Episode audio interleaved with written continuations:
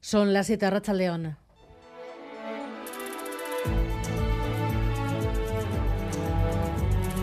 Gambara con Arancha García. Aovisi Belarri, Pre, Belarri Press de Euskal al Día ya está en la calle Amaya Zabala, Racha León. Arracha León, Aranza.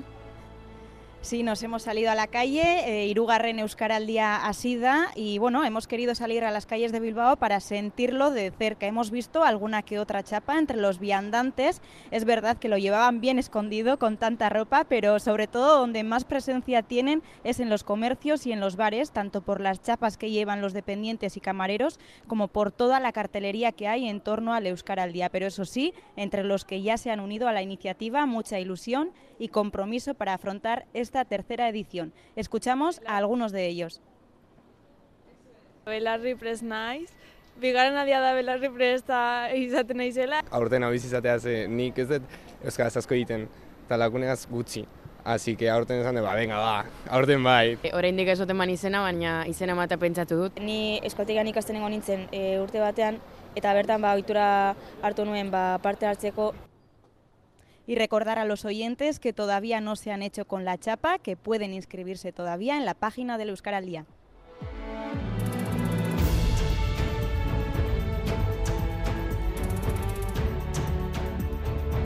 Además, el Endacari ha reafirmado el compromiso de su gobierno con las bases del pacto educativo y ha respondido a El Carrequín Podemos después de la última crisis, la de ayer mismo. Le dice a la formación de Miren Gorrochategui que dejen de buscar motivos para tensionar continuamente el acuerdo. Beste batzuk jakin barko dute, ez da zer dela eta hau a, tentsiorako erabilia den astero, astero, ez da atzukoa bakarrik, astero, astero. Jakin da, oinarrizko e, akordio hori bete-betean e, jarraituko dugula, eta hori dela azken batean legea asmo aurregarentzako oinarria.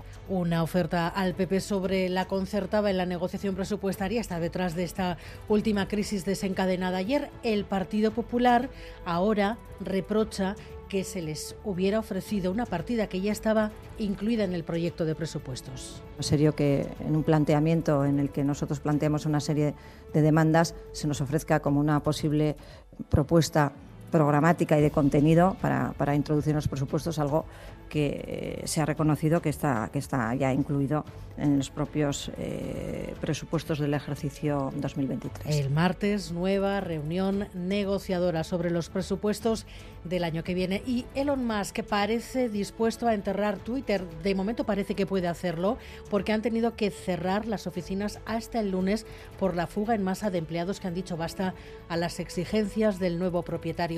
Desde esta madrugada la despedida es masiva, sobre todo ingenieros y eso se dice podría llegar a poner en riesgo el desarrollo de la compañía.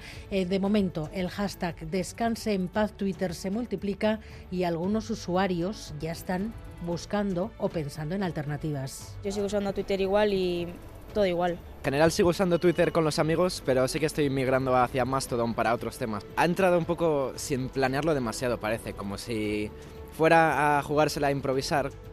Por primera vez desde el inicio de la guerra, el, barril de Brent ha vuelto a los 90 dólares, pero volvemos a comprobar que el efecto en las gasolineras tarda en llegar. Si su coche es de gasóleo, todavía lo va a tener peor porque el diésel no parece que vaya a bajar David Beramendi. Sí, por primera vez en muchos meses, el precio del barril de petróleo Brent ha bajado de los 90 dólares. Estuvo en 120 y antes de la invasión de Ucrania rondaba los 92, es decir, está más barato. Sin embargo, no echen las campanas al vuelo. Esto poco se notará en las gasolineras. Primero, los expertos no descartan un nuevo recorte por parte de la OPEP. Segundo, en febrero entra en vigor la prohibición contra el petróleo ruso. Y tercero, a día de hoy, la demanda de gasóleo supera con creces la oferta. El hecho de que Europa y Estados Unidos hayan puesto fecha de caducidad al gasóleo ha provocado el cierre de muchas refinerías. Entre tanto, la ley del CSI sigue llevando condenas a revisión. En Guipúzcoa ya son dos. Una por la violación a una menor en Zarau durante las fiestas de 2017. La Fiscalía, como ayer adelantamos aquí en Gambara, ha informado en contra de la reducción de la pena. Y el otro caso es el del tatuador condenado por agredir sexualmente a varias clientas de su local en San Sebastián. Está condenado a nueve años de cárcel. Pero vamos ya con los deportes. Edu García, Racha León. ¿Qué tal, Racha León? Con un punto de atención a esta hora de la tarde, la octava jornada de la Euroliga la juega Basconia en la cancha del Mónaco, un equipo que se ha construido para disputar la Final de la competición. Primeros compases del encuentro que nos eh, cuenta Sir Cariaga. ¿Qué tal, Racha León? A Racha León, Edu, en efecto, con eh, cinco triunfos para los monegascos, aunque han jugado muchos partidos eh, fuera de, de, su cancha, con cuatro para Basconia que busca igualar en la tabla al conjunto galo. Ha comenzado el partido muy igualado de momento y con este quinteto inicial en el conjunto vasconista, Thompson, Marinkovic, Yedraitis, Dani Díez y Mike Kochar. Estamos a falta de 6 minutos y 30 segundos para el final del primer cuarto, empate a 9 entre Mónaco y Vasconia. Y otro equipo de Gasteiz juega esta noche, el Araski en la Liga Femenina, también octava jornada, lo va a hacer en la pista del colista del Tenerife a partir de las 9 de la noche.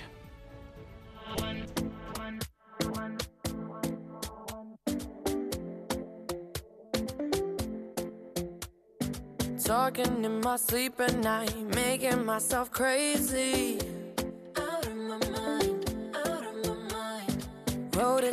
Pues es Dualipa que tampoco estará en la sesión inaugural del Mundial de Qatar. Al Mundial se le está complicando eso de tener una gran estrella para abrir un Mundial de fútbol que sigue rodeado de las contradicciones y la polémica. John Fernández Moore. Efectivamente, quedan menos de 48 horas para esa ceremonia de inauguración del Mundial de Qatar. No sabemos si esconden alguna carta. Lo que sí sabemos es que varios artistas han rechazado acudir, entre ellos Shakira, presente en las Copas del Mundo de 2006, 2010 y 2014. También han dicho que no Rod Stewart o Dua Lipa, quien escuchamos de fondo. Sí estará, por ejemplo, Maluma. Es un, de momento la estrella eh, de esta ceremonia de inauguración. Más adelante en este informativo profundizaremos en algunas protestas, algunos pequeños boicots, gestos más bien de varias federaciones nacionales, principalmente europeas. Recuerden que según una investigación de The Guardian, 6.500 trabajadores habrían muerto en la construcción de infraestructuras para este mundial. Maitane Bujedo y Alberto Sobel ya están en la dirección técnica, Cristina Vázquez en la producción.